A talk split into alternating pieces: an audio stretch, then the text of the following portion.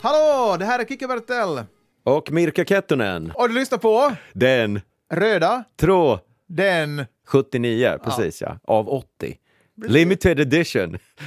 Vi är snart där. Precis ja. Men välkomna. Det här är ju alltså en podd där vi gör tuvhoppningar i trivia.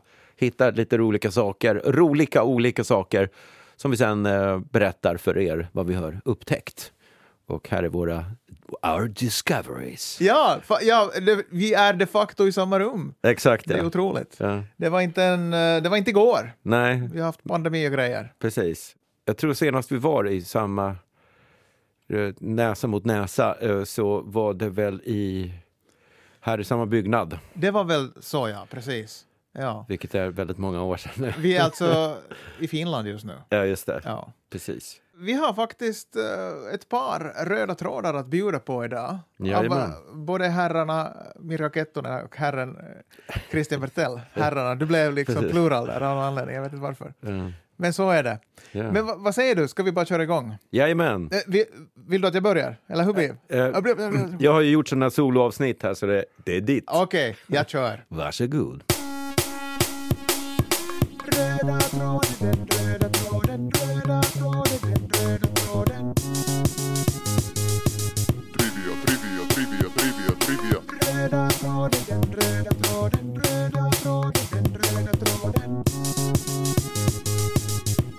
Ja du, Mirka, jag såg att den äldsta restaurangen i världen som fortsättningsvis tuffar på, den finns i Japan skulle jag gissa.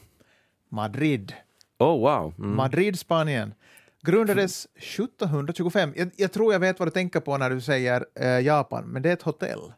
Okej, och sen har de sådana här byggfirmor och sånt där som från 700-talet. Mm. Ja. Ja, vi har haft det i familjen sedan dess. Ja.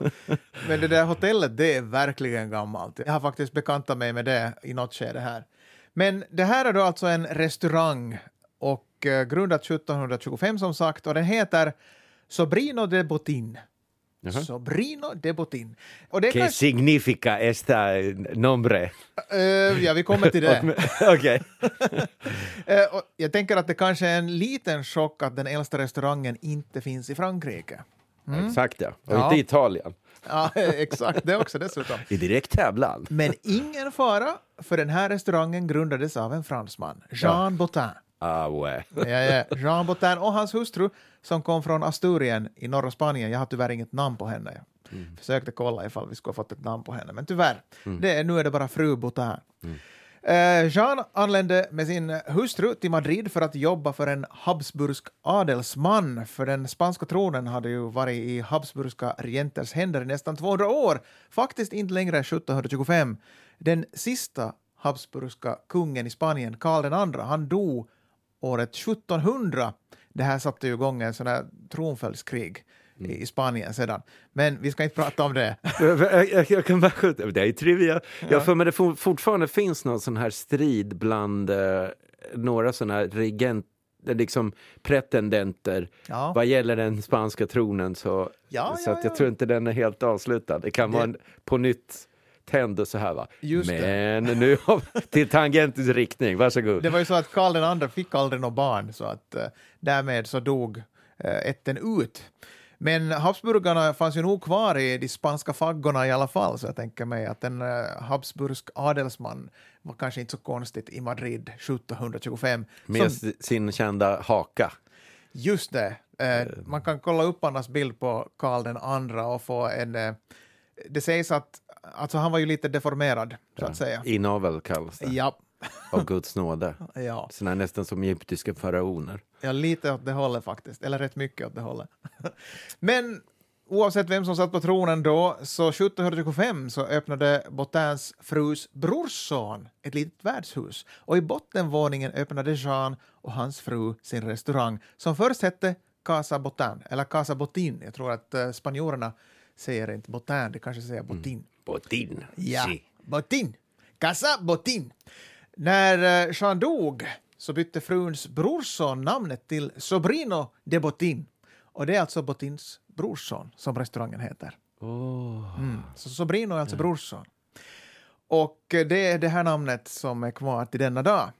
Och det sägs att den vedeldade ugnen inte har släckts en enda gång sedan de öppnade 1725.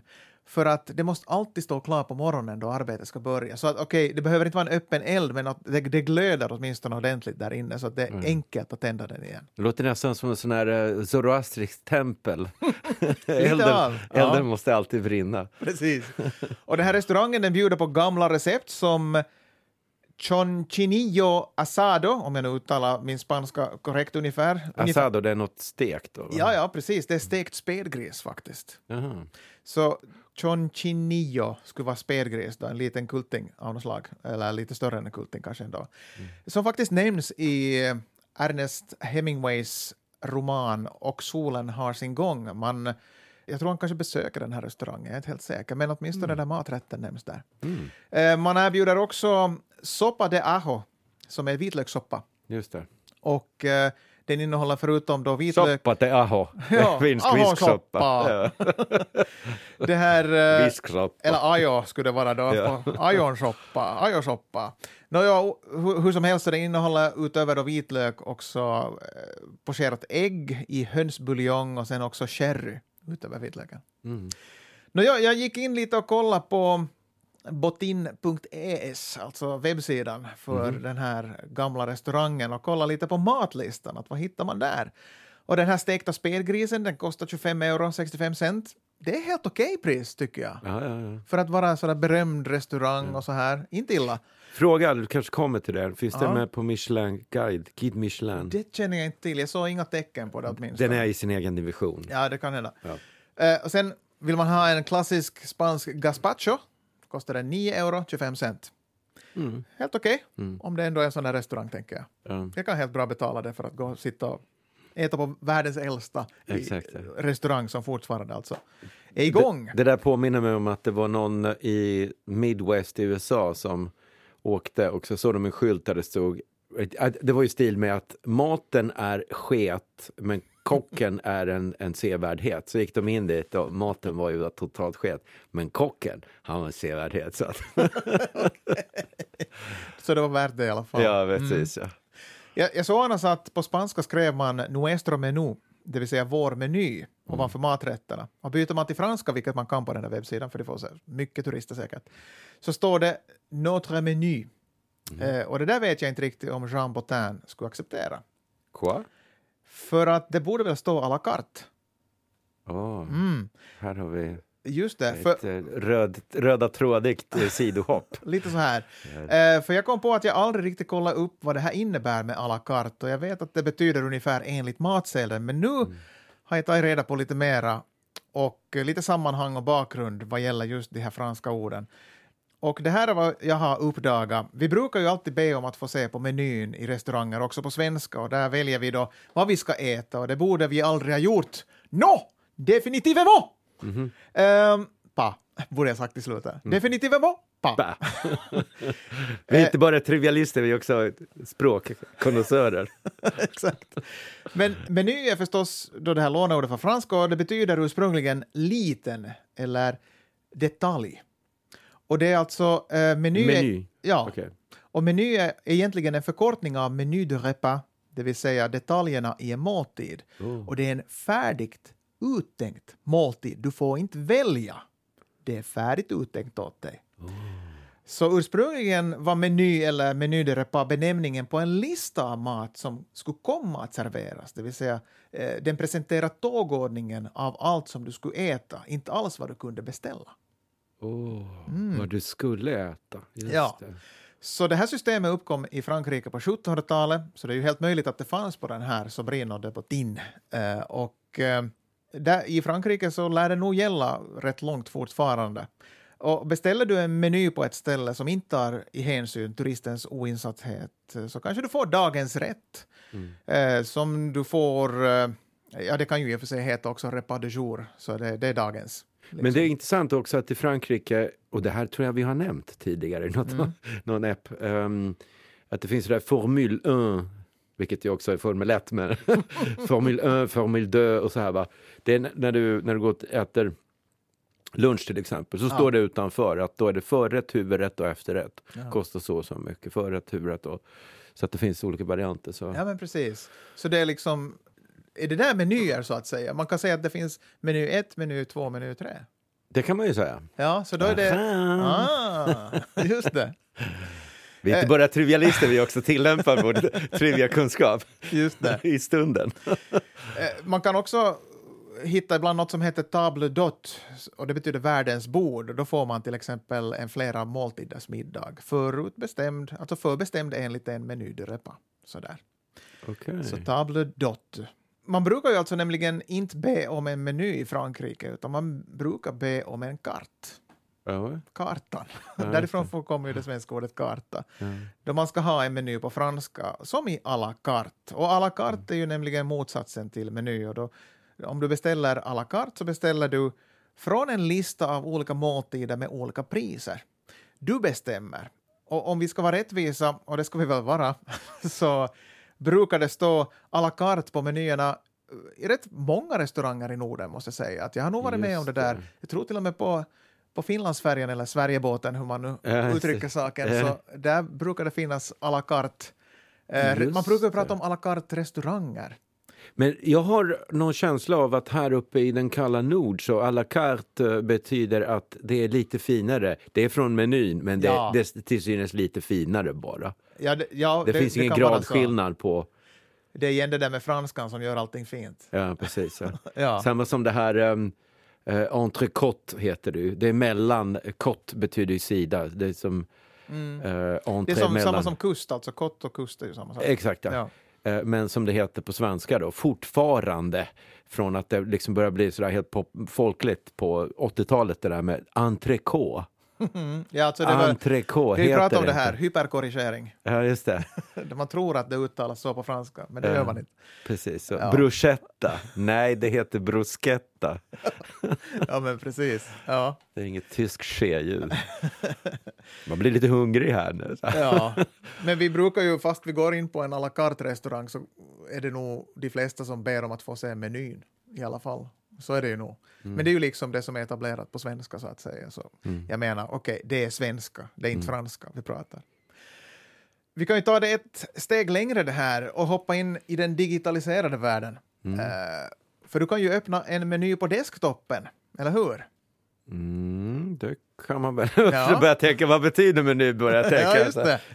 Just det. Är det Eh, rätt svar? Ordet som egentligen betyder att vi inte får välja något själva, utan bara Ja, presentera du menar digital meny? Just det, Ja, ja. liksom drop-down-meny alltså. ja, på desktopen. Vet du. Ja, ja, just det. Jag tänkte att man beställde mat via... Ja, nej. Ja, nej, ja, utan. Ja, just du har en meny som du får välja, liksom save, eh, load, grejer. Ja, vet just, du, just, så här. är. Men den presenterar bara färdigt vad du kommer att bli tvångsmatad med, så att säga. Så Just det är det, en, just det. en meny, om vi säger Sant, så på det sant. sättet. Ja. Det sättet. Och, och det här är ju nu vardagsspråk i våra digitala hjälpmedel. Eh, Men skulle man däremot ha en à la carte på sin portable ordinatör, det vill säga bärbara dator, laptop, då skulle ju valfriheten vara självklar. Och sett ur ett franskspråkigt perspektiv. Men eh, kanske det ändå är poängen eh, med stora kommersiella operativsystem, tänker jag, att det heter meny, för att där är saker låsta. Man, man ska ju inte gå dit och ändra på saker. Så de, är ju, de ska ju vara så idiotsäkra som möjligt och man ska inte behöva programmera dem själva. Så därför så förutspås allt vad du kan tänkas behöva välja och, och så görs en meny, en förutbestämd lista på saker du väljer. så här tänker jag. Kanske det det. finns en logik där. Ja. Men, För, men, förresten, bara instick. Eh, Du har- väl suttit med en fransk eh, ordinatör, alltså Ja. dator. De har inte QWERTY, utan de har ju det här, vad det nu heter. Eh, vissa saker ligger på fel ställe, man bara, åh, vänta. ja, du vet, ja, det där, de, vi, vi, kör ju med, vi kör ju med skanderna så att säga, det är skandinaviska skrivbord. Ja, exakt. Ja, Ja. Men vad heter det, eller skanderna är väl bara Å, Ä, Ö förresten, kommer jag på.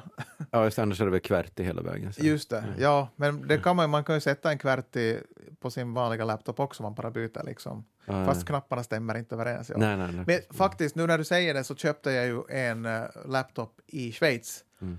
och eh, jag var tvungen att byta då till nordiskt eh, knappsystem, eller svenskt-finskt. Jag minns inte vilken knapp det var, men det var en knapp som var på fel ställe där. Annars var det helt korrekt. Och jag måste alltid komma ihåg vilken det var. Så att sen när någon okänd kom och skrev på den så de visste ju inte. Nej, Så nej, det är alltid fel så måste jag komma och instruera. Just det, just Så det. jag tänkte i långa tider att jag skulle sätta små såna klisterlappar på mig. Det gjorde jag aldrig. Jag blev bara Ja. van. De slits ju också ut så ganska snabbt. Ja, men precis. Ja. Men jag är inte den enda som har insett det här med à la carte och meny i den datoriserade världen. En del kodare har språkhuvud. Mhm. GNOME är namnet på en skrivbordsmiljö som är byggd på fri programvara. Och med den följer ett redigeringsprogram som tidigare hette Simple Menu Editor for GNOME, eller bara SMEG. Mhm. Den heter numera, som sig bör, à la carte. Ja, ouais. Mm, jag tycker det är mycket stiligt. C'est très élégant. Ja, ouais. Mm. Och där var då min lilla tråd för den här gången. Vi började i världens äldsta restaurang och så kom vi fram till SMEG i en sån här, ett fritt operativsystem för eh, nördiga kodare. Trivia, trivia, trivia, trivia, trivia. Tack för den. Du pratar ju om à la carte och mat och allt sånt här och eh, jag har det som kanske är grunden i allt det här, det vill säga vatten. Och den här tråden då baserar sig bland annat på info från Svenskt Vatten och Världsnaturfonden. Så att om det är fel så får ni skylla på dem. Vatten är väldigt intressant. Det ingår ju liksom i allting och till exempel i mat som du nu talade om och så. Va? Och det vattnet vi har idag är ju faktiskt samma vatten som dinosaurierna drack för miljoner år sedan. Det är alltså en helt bisarr tanke att Ja, allting har bara gått ru- runt och runt och runt. Ja. Eh, Och vårt dricksvatten som kommer från sjöar och vattendrag och grundvattenmagasin. Och normalt fylls de här lagren på mest under våren då när snön smälter. Det är viktigt där att det tar tid innan det, att det åker ner i marken och så. Va? Och det förutsätter ju då att det finns snö på, på vintern eftersom när den då smälter på våren är det väldigt viktigt just att den sjunker ner genom jordlagren och sånt där, ner i grundvattennivån. Under den perioden av året då växterna är gröna och de växer så är det ju nämligen inte speciellt mycket av nederbörden som når grundvattenmagasinen under, eh, under jord för att det är växtligheten som suger upp det. Så om det kommer skyfall till exempel så är det ju väldigt mycket mängden vatten som kommer. Men det spolas ju bort i princip, vilket man kan se på ja, vägar, övergångsställen, alla de här kloakrören och sånt Ja. och fylls så att det blir eh, alldeles eh, dant. Men det spolas ut i dagvattenbrunnar och sen ut där i, sjö och hav och så. Va? Men eh, Kike, visste du att dricksvatten klassas som ett livsmedel? Det visste jag inte. Alltså, väntas nu, men hur är det med eh, vet du, andra vätskeformer? Det är inte livsmedel då? Alltså som saker som man inmundigar? Och Öl eller... det är säkert också livsmedel, Ja. men eh, den här frågan uteslöt ju inte, Nej, nej. inte det. Nej, okej, det, gör, det gör det inte. Det var lite såhär skräckens stora ögon där, men vad kallas det då? Nej, det är väl också väl livsmedel. ja, Men, exakt. men jag menar, det Ja. innehåller ordet liv och, och vatten är Ja. nödvändigt Och för det- liv. Och det är vi. Ja. Jo, dricksvatten är faktiskt vårt mest kontrollerade livsmedel. Och det är otroligt att vi har ju tillgång till det dygnet runt direkt i kranen. Mm. Och det är då gott, hälsosamt, lokalproducerat och kostar bara fem öre per liter. Som sagt, den här informationen kommer ju då från Svenskt Vatten och så här, va? Så att, Okej. och Naturskyddsföreningen och så, så att de säljer ju in sin, ja, de vinner inget på det här. Va? Nej. Så fem öre per liter, och i euro så vet jag inte ens, jag försökte gå in på en sån här räknare, men det var så liten enhet så att den, den ville liksom att, jag försökte skriva 0,05 Eh, Menar du fem kronor? så, nej, inte så stort. Så för fem öre då per liter kontra vad det kostar köpa vatten på flaska, liksom, så här italienskt, franskt eller skånskt eller finländskt vatten. Ja. Det är liksom logga på, på det här och så. va. så fem öre för kranvatten och så. Va? Och i det här fem öre per liter då så ingår då även skydd av vattentäkter, rening av avloppsvatten och hantering av dagvatten. Så att nu, med denna information, reflekterar du någonsin över det här med tillgången? Att det är bara vred till kranen så har du vatten. Alltså jag har ju tänkt ofta på det här med att det är så många som har förutspått att i, i framtiden så är det vattnet som är den stora tillgången som alla stora konflikter handlar om. Mm. Det, det, och just nu så finns det ju väldigt gott om vatten i, Mm. i Norden till exempel.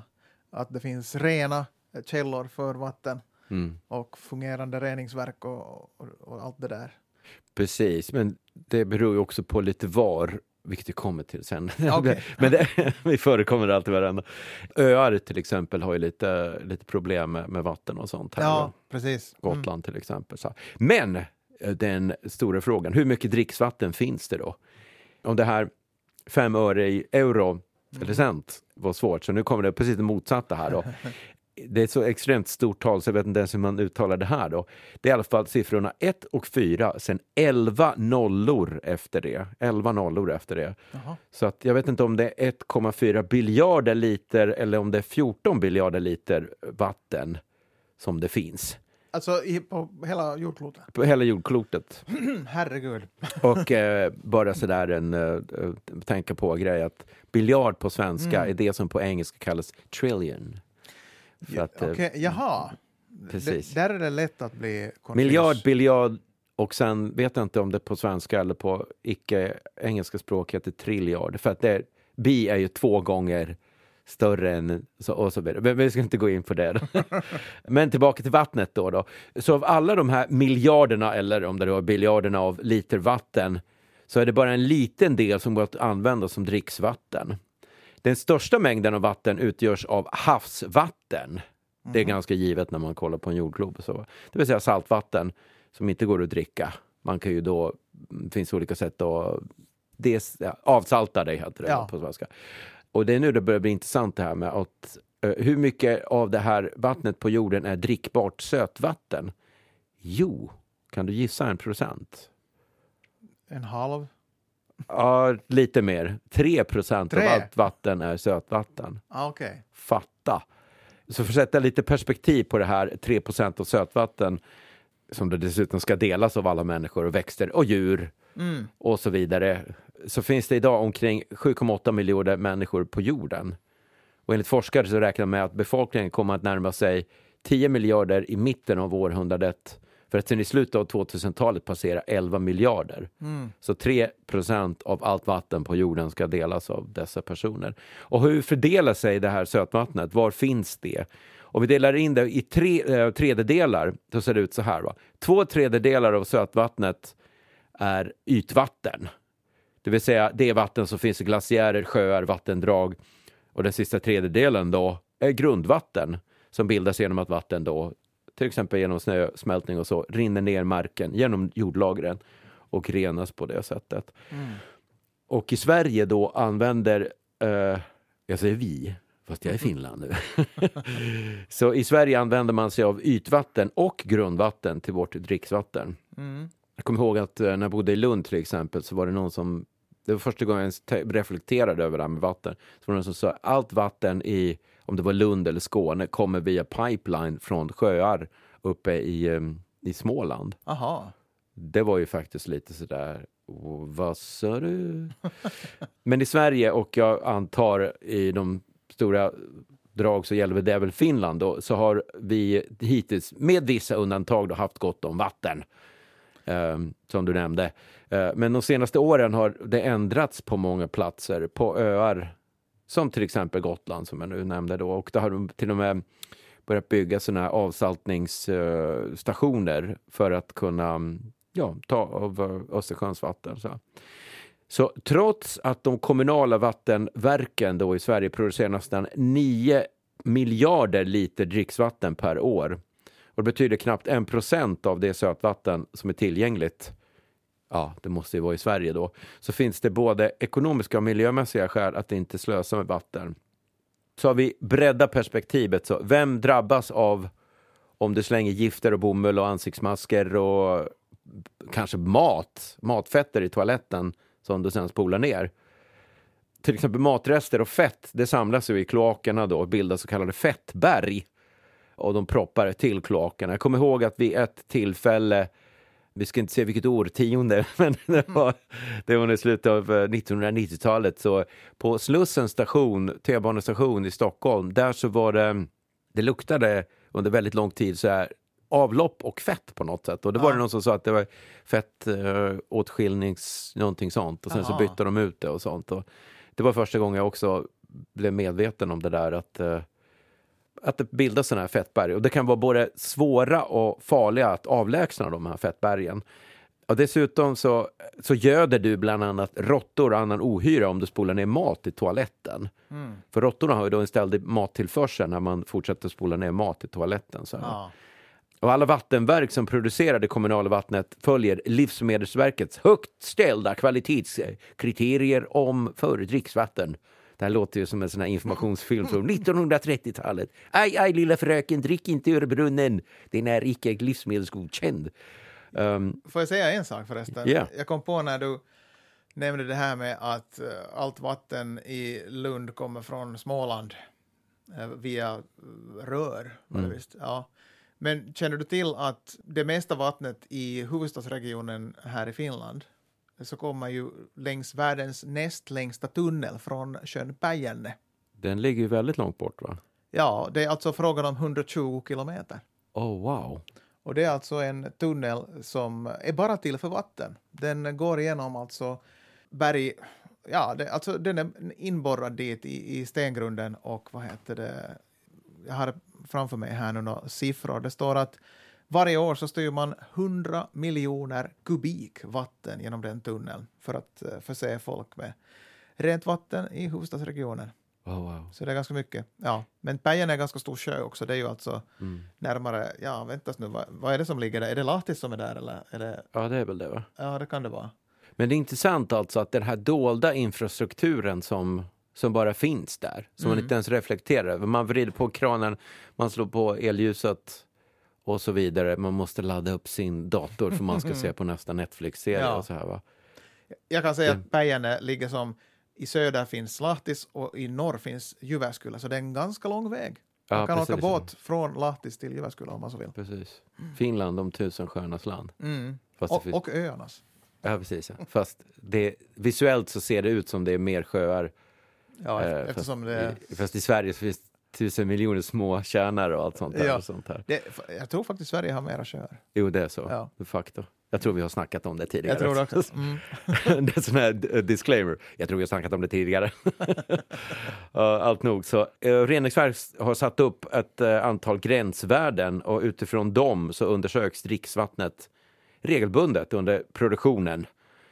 Att tänker man producerar dricksvatten. För att man ska vara säker på att vattnet inte innehåller några oönskade mikroorganismer eller kemiska ämnen. Därför, ett litet memento här, är det viktigt att du alltid tänker på vad du spolar ner och sköljer ner i avloppet och släpper ut i dagvattenbrunnarna. Alltså både mat, mediciner, kemikalier och droger också i vissa ställen. Som så hamnar i vattnet och kretsloppet och påverkar miljön och framtida vattenkvalitet och allt sånt här. Va? Men här kommer en sak som är bra att komma ihåg. Eh, kom ihåg att det bara är kallvattnet i kranen som kontrolleras och är klassat som livsmedel. Just det. Just det. Eh, för, så drick aldrig det varma vattnet direkt ur kranen. Det kan innehålla alltså skadliga bakterier, små mängder av eh, metaller till och med och så.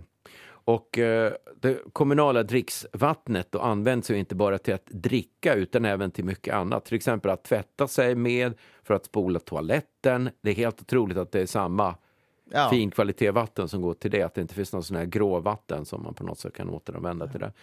Man fyller på badbassänger med det och industrin använder dricksvatten. Men om du däremot har en egen brunn så ingår ju inte du i det kommunala vattensystemet. Och så. Mm. Ska vi bara runda av här lite. Hur fördelas vattnet då? Hur mycket använder vi per person och dygn? Så i Sverige förbrukar vi i genomsnitt 140 liter vatten per person och dygn. 140 liter, 140 liter vatten per person. Och sen en liten eh, gissningslek här. Kan du gissa hur många liter du använder till snitt till personlig hygien? WC eller mat eller något sånt. Vi tar personlig hygien först. Jag, har, jag har som ingen, vad heter det, utgångspunkt i det här. Nej, det är ganska svårt. Så. vad ska jag säga? Vi har ju samma frisör så vi, har ju, vi behöver Ja, inte tvätta håret. Jag kan ju säga att i vår familj är jag snabbast. Mm. eh, Okej. Ja, det är jättesvårt det här. 60 liter för personlig hygien. Okej. Mm. Det är rätt mycket. 30 liter för toalettspolning Mm. per dygn. 15 liter för disk. 15 liter för tvätt. 10 liter för mat och dryck. Det är kanske lite mer närmare allihopa på något sätt. Ja. 10 liter mått. För det, det vore faktiskt lite intressant om man har någon kanna och måttare eller något Ja. sånt där. Kolla hur mycket man faktiskt... Och 10 liter till övrigt. Eh, vad nu det kan vara. Så här, va? Och sen lite snabb fakta här som vi kan eh, runda av med. Om du diskar eller borstar tänderna under rinnande vatten i tre minuter går det åt 18 liter vatten. Det är nog 18 liter av dina dagliga 60 liter då. Och det går åt cirka 200 liter för att fylla ett badkar. Det är mer vatten än vad de flesta i Sverige använder då per ett dygn, som ju då är 140 liter. En vattenslang förbrukar upp till 1000 liter vatten per timma. Och det är liksom verkligen tilt. Det är så mycket. Eh, och använder du vattenspridare eller vattenslang så gör du av med eh, cirka 150 till 350 liter vatten under 20 minuter. Så tips är att stänga av kranen när du borstar tänderna. Men det gör man väl alltid. Det är väl... eh, Det, ja, det gör man. Som liten så lät jag den rinna, men att inte längre. Nej, precis. Ja, Jag minns det där. Jag Eh. tror jag kanske blev tillsagd. ja precis. Så här. Stäng av den där. Exakt. Ja. Och sen om du ska skölja disken i, i en balja och inte under rinnande vatten. Mm. Det är också sådana här saker som man redan känner till. Och, och sen att man kan ställa undan en kanna eller mm, petflaska vatten i kylskåpet så att man har lite svalt vatten och så. Va? Istället för att krana ut massa vatten. Så. Och sen en snabb dusch är ju mycket bättre än att bada. Ja. Så att, ehm, ja, det var det hela. Drick kranvatten, men bara det kalla kranvattnet. Det uppvärmda kranvattnet kan innehålla cooties. Jag vet inte exakt vad det betyder, men that, that, word just came to me. Ska jag lägga till en till liten trivia-grej? Jag såg häromdagen ett... eh, För, du vet det här, heter den Cassius, eller vad heter den där sonden, satelliten som skickats till Saturnus? Just det. Som vi faktiskt har talat om. Ja, det kan hända, ja. Jag är helt hundra på att vi har det. Men Ja. alla de där grejerna har vi talat om under årens lopp. Just det. Men, men den här, eh, det, det kom ju helt nyligen, alltså har man analyserat material och Mm. man har konstaterat att där ringarna runt Saturnus är ju mest is. Ja, just det. Det är alltså antagligen så att det är en, en planet som har kommit för nära eh, Saturnus, starka, den starka gravitationen, och den har liksom rivit sönder hela planeten. Oh. Och då har liksom den bara blivit i små bitar och allt material från den har spridit sig runt och bildat de här ringarna runt. Okej, så att vattnet skulle varit från den andra Ja, planeten? Ja. just det. Ja. Wow. Och det skulle tydligen då mest ha varit en eh, isplanet wow. slag. Så det finns eh, stora reserver av vatten där ute. Ja, just det. Elon Musk-tips här. Yeah. Mm. We need to get it. Yeah. Precis. Och sen bara för att avsluta. Om du är osäker på om du kan dricka vatten, koka det så kan du dricka det. Sen finns det såna här tabletter för extrempersoner när man går ut i skogen och allt sånt. Så slänger du in en sån här tablett och så blir gyttja till och med drickbart. Det var det hela. Så att jag har snackat om vatten, vatten, bara vanligt vatten i olika aspekter. Så, det här har varit DRT 79 med mig, Kikki Bertell, och dig, Mirka, Mirka. Kettunen. Yeah. Eh, nu är det ju så att vi har bara ett avsnitt kvar efter det här. Precis. Och sen eh, lägger vi ner butiken. Sen lägger vi ner butiken. Vi säger adjö för den här gången. Det gör vi och eh, tills nästa gång. Adios! Hasta luego. Röda tråden, röda tråden,